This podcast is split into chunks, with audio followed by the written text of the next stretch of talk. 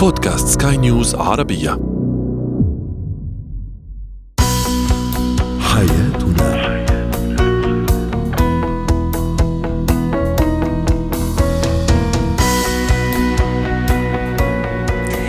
مستمعينا الكرام أهلا بكم معنا إلى حياتنا. فضاؤكم اليومي الذي يعنى بشؤون الأسرة وباقي الشؤون الحياتية الأخرى والذي يمكنكم الاستماع اليه عبر منصة سكاي نيوز dot com slash podcast وباقي منصات سكاي نيوز العربية الأخرى. شاركونا عبر رقم الواتساب 00971 561 6223 معي أنا آمال شاب. اليوم سنتساءل عما أو كيف أعرف أن خطيبي سيكون الزوج المناسب لي وأيضا كيف أعرف أن خطيبتي ستكون الزوجة المناسبة لي.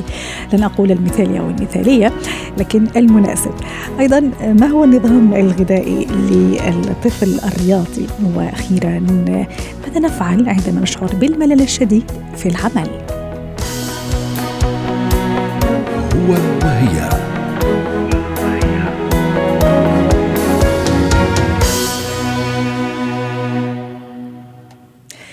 طبعا في البداية يجب أن نسلم بأنه في قاعدة لا يوجد أحد في هذا العالم مثالي لكن ممكن مناسب أو قريب من من تفكيرنا وقريب من طموحاتنا. اليوم سنتساءل كيف أعرف أن خطيبي أو خطيبتي هو أو هي الزوج أو الزوجة المناسبة لي والتي سأكمل معها أو معه مشوار الحياة. للحديث عن هذا الموضوع رحبوا معي بالدكتور هاني الغامدي المحلل النفسي والأسري ضيفنا العزيز من جدة. يسعد أوقاتك دكتور هاني. في مثل أنا يعجبني كثير يقول لك ليالي العيد تبان من عصاريها. هل فعلا الخطيبة والخطيبة يبينوا في فترة الخطوبة؟ وراح أعرف إذا كان هو ولا هي الزوج المناسب والزوجة المناسبة. أهلا وسهلا بك سيدة أمال وبكل المستمعين والمستمعات الأكارم، ما شاء الله عليك. اختصرت الإجابة في المثال اللي أنت ذكرتيه حقيقة.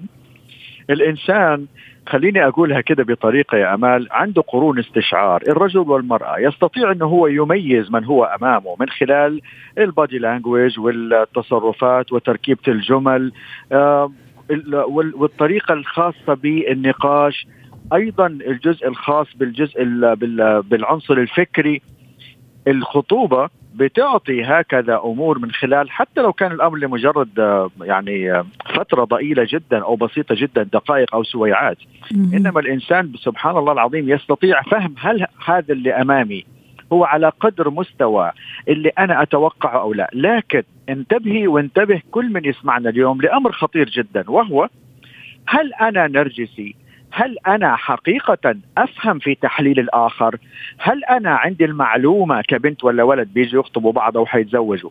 فهمانين يعني إيش معنى عالم الذكر وعالم الأنثى؟ هذه أمور مهمة جدا إحنا نلتفت إليها ويكون عندنا علم بها حتى نستطيع إنه إحنا نحلل ونحكم ونقول إنه إحنا والله ممكن نسدد ونقارب، الإشكالية يا أمال إنه حقيقة ليس هناك من شخص يعلم الغيب بمعنى. صحيح. وهذا كمان هذه ناحية أخرى مسار آخر من الحديث.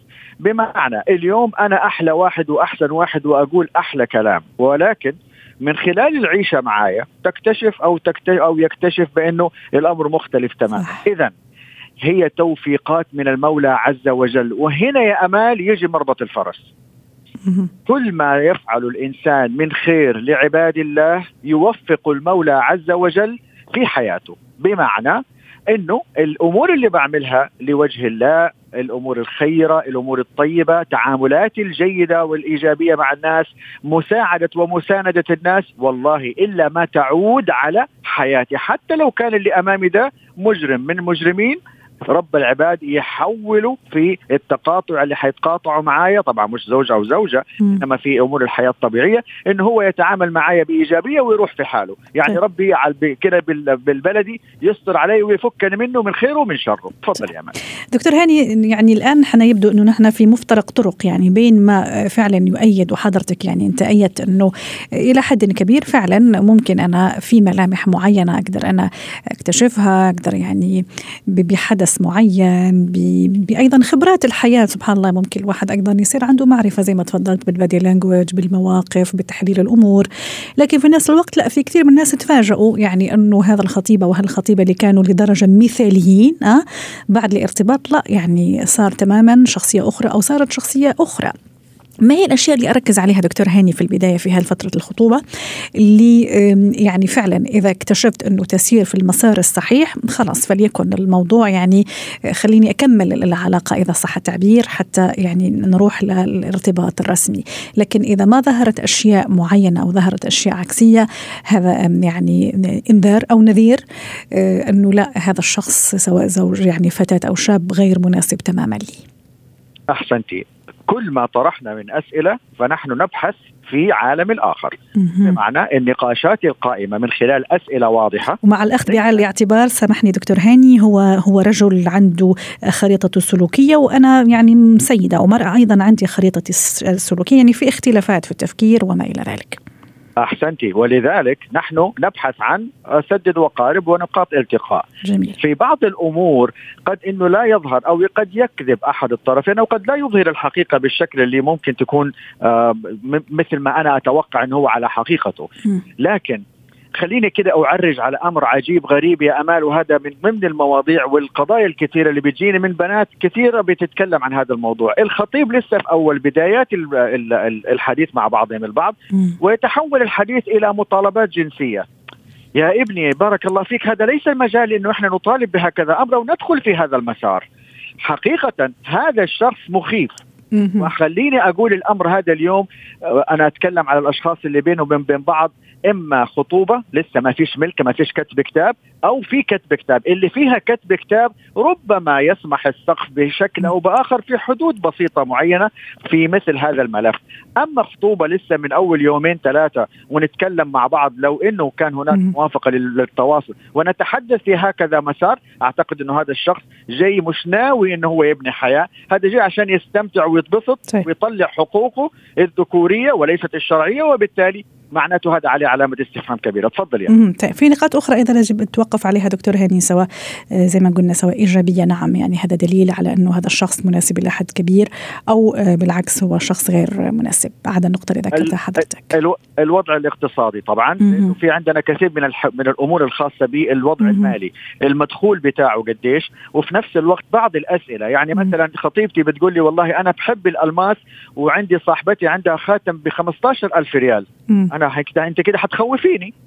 يكون هذا هو التوجه بتاعك صحيح لما نيجي مثلا نتحدث عن بعض الأمور والله أنا ممكن يكون مثلا عندي آآ آآ كنبايه أو دولاب من من محل معين. لا لا لا لا ما ينفع. لا إحنا يكفينا من أبو 1500 و2000 ريال معناته هذا. بخيل.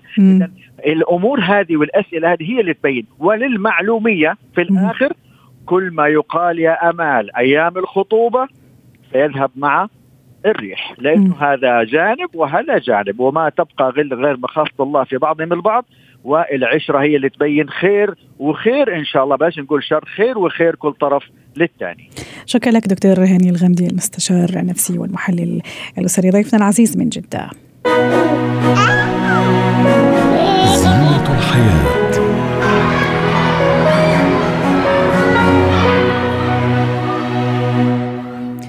في زينة الحياة نتحدث عن نظام التغذية الخاص للطفل الرياضي. رحبوا معي برزان شويحات أخصائية التغذية. سعد أوقاتك أستاذ رزان. طفلي رياضي يمارس نشاط رياضي معين. ما هو النظام الغذائي الذي ينصح به؟ طبعا هلأ نحن بحالة الاطفال اللي بيمارسوا الرياضة كثير بنركز على نوعية الغذاء اللي هم عم يتناولوها لحتى اولا يكون أدائهم بالتمارين أفضل وبنفس الوقت يكون أدائهم ونشاطهم بخلال النهار أفضل. فبيكون عندنا تركيز كثير اولا على الوجبات الغذائية اللي عم يتناولها خلال النهار لحتى يكون عم ياخذ كفايته من البروتينات والنشويات والدهون والفيتامينات والمعادن. وبيكون في تركيز خاص لوجبة قبل التمرين وجبة ما بعد التمرين.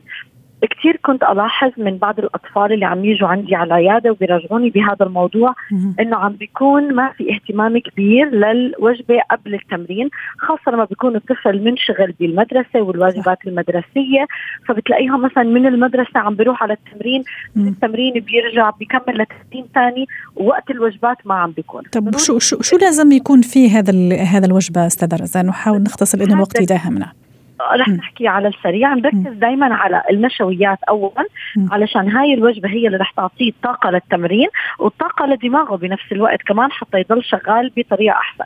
جميل. لما بنحكي نشويات بنركز على مثلا إذا كانت وجبة خفيفة بتكون زي خبزة زي كراكرز ممكن بعض الأحيان حبوب الإفطار ممكن تفاحة برضه تعتبر بضمن آه، حدود النشويات.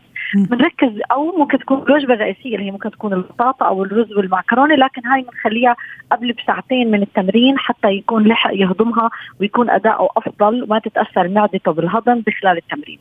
وبنركز كمان على الجزء العضلي والجزء العضلي دائما تغذيته الأساسية بتكون من البروتينات.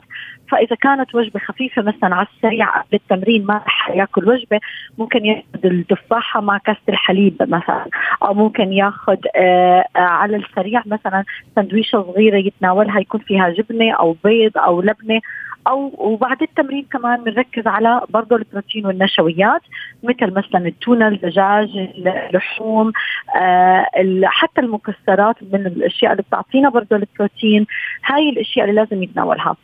طبعا بضل المفتاح الرئيسي الأساسي اللي هو الخضار والفواكه لأنه حتى لو أخذنا كفايتنا من الطاقة منهم بس ما كان عندنا آه، خضار وفواكه ما راح يكون عندنا كفاية من الفيتامينات والمعادن اللي هي ضرورية أصلا التفاعلات الكيميائية اللي بتتم بالجسم. أوكي طبعا السوائل أستاذ رزان اتصور إنه كثير مهمه وتشددوا كثير عليها أنتم كأخصائية تغذيه في الحالات العادية فما بالك أيضا إذا كان الطفل يعني يمارس الرياضة. والنوم أيضا الكافي هذه هذه شيء كثير مهم. طبعا.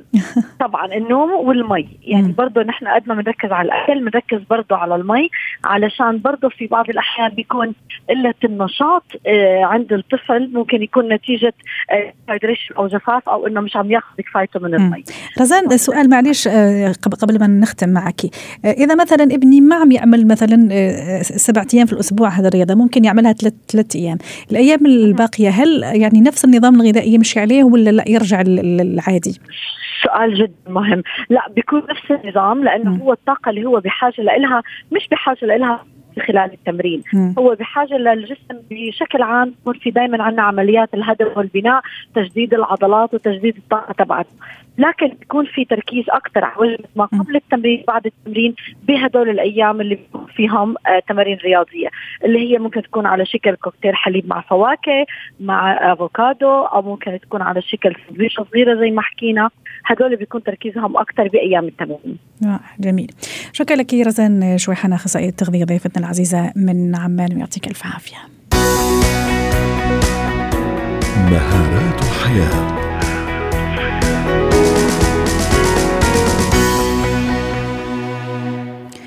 اليوم في مهارات الحياة نتحدث عن موضوع ربما يعاني منه البعض أو الأغلبية في الحقيقة. وهذا الشيء طبيعي أحيانا ينتاب الشخص بعض الملل أحيانا الكثير من الملل آه، في مكان العمل لسبب أو لآخر. ممكن الشخص لم يذهب في إجازة لفترة طويلة ممكن في ضغط كبير في الشغل في فترة معينة. كل هذه ربما عوامل قد تضع هذا الشخص في هذه المشكلة اللي هي الملل الشديد. كان هذا سؤالنا التفاعلي اليوم. ماذا تفعل عندما تشعر بالملل الشديد في عملك؟ آه، تعليق يقول أصبر حتى ينتهي اليوم بسلام يعني حتى ما يعمل مشاكل. تعليق آخر يقول أشرب قهوة. أيضا وتعليق آخر يقول أدردش مع آه، زملائي ومنى تقول أعمل أي نشاط آخر حتى يذهب الملل ثم أرجع مرة أخرى لمواصلة العمل. للحديث عن هذا الموضوع تنضم إلينا من بيروت تينا جروس مدربة مهارة الحياة. تسعد أوقاتك أستاذة تينا. كما قلت في البداية أنه الملل شيء ممكن ينتاب أي شخص في أي في أي وقت وفي أي مكان الصراحة وفي أي زمان أحيانا. أحيانا حتى في مكان العمل استاذتينا ينتابنا بعض الملل وأحيانا الكثير من الملل وما نعرف. أحيانا عندنا أسباب وأحيانا ما عندنا أسباب. كيف أتصرف أنا إذا داهمني هذا الشعور؟ يعني هيدا موضوع كثير مهم لأنه في كثير أشخاص خاصة بمكان العمل بيقطعوا بهالمشاعر وبيدفنون. ما بيعطوا أهمية لهيدا الشيء بيسخفوا بهيدا الموضوع. وخاصة أيضا سادتينا ما أعرف إذا توافقيني الرأي هلا فترة كورونا كان في ضغط كبير صراحة على كل الناس في ناس اشتغلت يعني من مكاتبها آه، كان في ممكن يعني خطر كبير لكن يعني بحكم العمل آه، اضطرت إنها تشتغل. في ناس ما سافرت صار لها كثير أيضا محتاجة إنه تغير شوي الجو لكن يعني هذه الظروف كلها خلت الواحد يعني يجلس في في في عمله لفترات طويلة. في عوامل في عوامل كثير اثرت بتأثر على هذا الشيء. بس أهم شيء نفهم ليه الشخص عم بيحس بالملل. فهون إذا نقدر نجاوب على بعض الأسئلة نقدر نلاقي الحل. فأول شيء هل في تطابق بين الوظيفة والاهتمام بهالوظيفة أو هالشغف تبعي؟ أنا عم بعمل شيء بحبه هيدي أول شيء وكثير مهمة. ليه أنا قدمت على هالوظيفة إذا أنا بعدني داخل على عمل عن جديد؟ هل يا ترى أنا عم بعمل هالوظيفة كرمال المعاش أو يمكن لأنه ما في عندي خيار ثاني فهون إذا نفهم أول شيء ليش أنا عم بشتغل هالشغلة بقدر أفهم إذا يا ترى ليش أنا زهقانة فيها أو لا. ثاني شغلة هي إنه كل واحد عنده كفاءاته ومواهبه وقوة ونقط قوة بعمله وبالمعرفة اللي عنده إياها. فالسؤال يا ترى عم نستخدمهم بهالعمل؟ هل في تحدي؟ هل عم بحس إنه أنا عم بحط كل طاقتي وكل علمي وكل كفاءتي بهالوظيفة؟ ولا هالوظيفة كثير هينة علي ما بقى فيها تحدي. فهيدا أكيد رح يوصل للملل.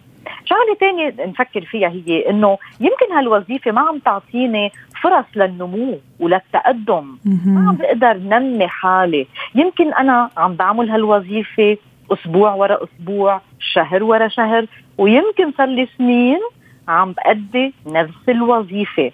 فأكيد بهالحالة الشخص بده يوصل على حالة ملل. كمان يمكن الوظيفة فيها كثير وقت فراغ زيادة عن اللزوم كمان هون بحس إنه إنتاجيتي واطية فهيدا بيأثر على الجو تبعي المود المزاج تبعي ورح احس بالملل. وكمان شغلة فينا نفكر فيها هي هل أهدافي واضحين؟ أنا شو أهدافي؟ فيها تكون أهدافي الشخصية فيها تكون أهدافي آه العملية المهنية. هل أهدافي واضحين؟ أنا حاطط خطة وين بدي صير بعد سنة بعد خمس سنين هون لما أحط أهدافي وأكتشف شو هن بصير أعرف إذا هيدي الوظيفة رح تأمن لي إنه أوصل لهالأهداف ولا لا. رائع. أه، ما أعرف يعني أه، في دراسة تقول ما أعرف إذا صح ولا توافقين الرأي الموظفات هن أكثر مللا من الموظفين. هذه فيها شوية جانب من الصحة ولا لا؟ ما عندها علاقة. الموظفات ما ما فهمت عليك. الموظفات يعني ال ال ال إيه. يعني السيدات إيه. هن أكثر مللا نعم. يعني هذا الملل يداهمهم أكثر من الموظفين الرجال. آه لكن ما في ما في احصاءات آه بتساند بتساند هيك شيء. ولكن في شغلة كثير مهمة إنه هيدا الشعور بالملل ما لازم نستلشقه. ما لازم آه نغض النظر عليه لأنه ليش؟ مش بس لأنه الواحد زهقان أوكي ومش مش حابب هالوظيفه وعنده وقت فراغ، ولكن هيدا ممكن يأثر على over stress يعني بصير الواحد عنده توتر صح. آه بكمية آه عميقة ومدى طويل. ويصير يربط آه الملل استاذتينا بالعمل. يعني خلص وانس يجي مثلا وقت العمل خلص يقع في فخ الملل. وبعدين كفاءتك بتصير عم بتروح ضيعان. يعني حرام. انت شخص جاي على الوظيفة عندك قوة عندك كفاءة عندك علم معرفة بموضوع ما وما عم تستعمليه ما عم تستهلكيه بيومياتك. كمان شغلة لما الواحد يكون عم بحس بالملل ممكن ينمي عادات سيئة. تتعبي هالإحساس الزهق. فممكن تلتجئي للاكل يمكن تلتجئي للكحول يمكن تلتجئي للدخان بس تتعبي هالوقت وأكيد الإنتاجية بالإجمال رح تكون واطية رح تكون ضعيفة. بهالشركه اللي عم تشتغلي فيها مش بس أنت كموظفة. وكل هيدا رح يأثر بالنهاية على صحتك النفسية آه رح تتدهور. وممكن واحد كمان يوصل للكآبة إذا آه، ضلوا كثير مضاين بهالوضع. وما ساعد حاله. رائع. طيب آه، سادتينا أعطينا كذا في خطوات بعض النصائح حتى فعلا أنا أطلع من هذا المشكل اللي زي ما تفضلتي حضرتك. نعم. آه، هو إنذار في الحقيقة خاصه إذا تكرر أكثر مم. من مرة يعني هو مش من فراغ اليس كذلك. نعم. في كذا شغلة. أول شغلة الواحد بيقدر يبلش فيها وهي آه يعني آه أول شغلة بتخطر على البال إنه افتح حديث مع مديري أو مديرتي أطلب إنه آه يكون عندي تحديات أكثر بهالوظيفة اللي أنا عم بعبيها.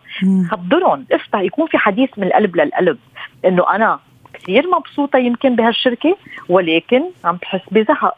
أنا بدي شيء يعطيني أكثر motivation آه تحفيز. هون هذا الحديث إيه كثير مهم يكون مع رب العمل. شغلة ثانية إنه آه على المدى الطويل الواحد إذا عمل أكثر من المطلوب. مم. okay؟ أنت عطوك وظيفة تأديها عندك deadline بدك تخلصيه. عندك وقت فراغ زهقانة. ليه ما بتستثمري هالوقت؟ صحيح. إنك تعملي أكثر من المطلوب. هيدا على المدى الطويل ممكن يكون لصالحك لأنه يمكن مديرك أو مديرتك يلاحظ قدراتك يلاحظ قد إيه أنت عم تعطي هالشغل زياده من المطلوب وهيدا ممكن يؤدي لتحديات جديدة لمهام جديدة. رح ترجع تعطيك هالحماس على الشغل. نعم. كمان شغلة الواحد عنده وقت فراغ. استثمروا بالعلم. اتعلم سلوك جديدة اتعلم مهارات جديدة. في كتير قصص اونلاين يمكن الواحد عنده ساعة فراغ بهالنهار بالمكتب. ساعة فراغ على الاونلاين في كتير قصصات متوفرة كمان شغلة كتير مهمة وأنا بنصحها إنه الشخص اللي بعد ما بيعرف شو مستنظر من وظيفته يتعاون مع ال life coach فيقدر يتعرف على شغفه ويتعرف على أهدافه حرام الواحد يكون ماشي مثل الماشي مع مع المي نعم. مع النهر وات. ماشي ومش عارف أنا لوين رايح. أنا شو بدي؟ أنا شو اللي بيبسطني بالنهاية؟ قد إيه حلو الواحد يأدي وظيفة. بحبها. وقتها بتبطل اسمها وظيفة. نعم. فهون شغلة كثير مهم الواحد يتعرف على نفسه يعرف شو بيحب يفهم شو هن أهدافه. وأكيد بمساعده life coach. وقت بيقدر يحط خطة نعم. بيقدر يحط أهداف وبالتالي رح يكتشف إذا الوظيفة اللي عم بيعملها اليوم رح تساعده وعم بتسانده بهالمشروع. ولا لا؟ شكرا لك سادتينا جروس مدربة مهارة الحياة ضيفتنا العزيزة من بيروت. حياتنا.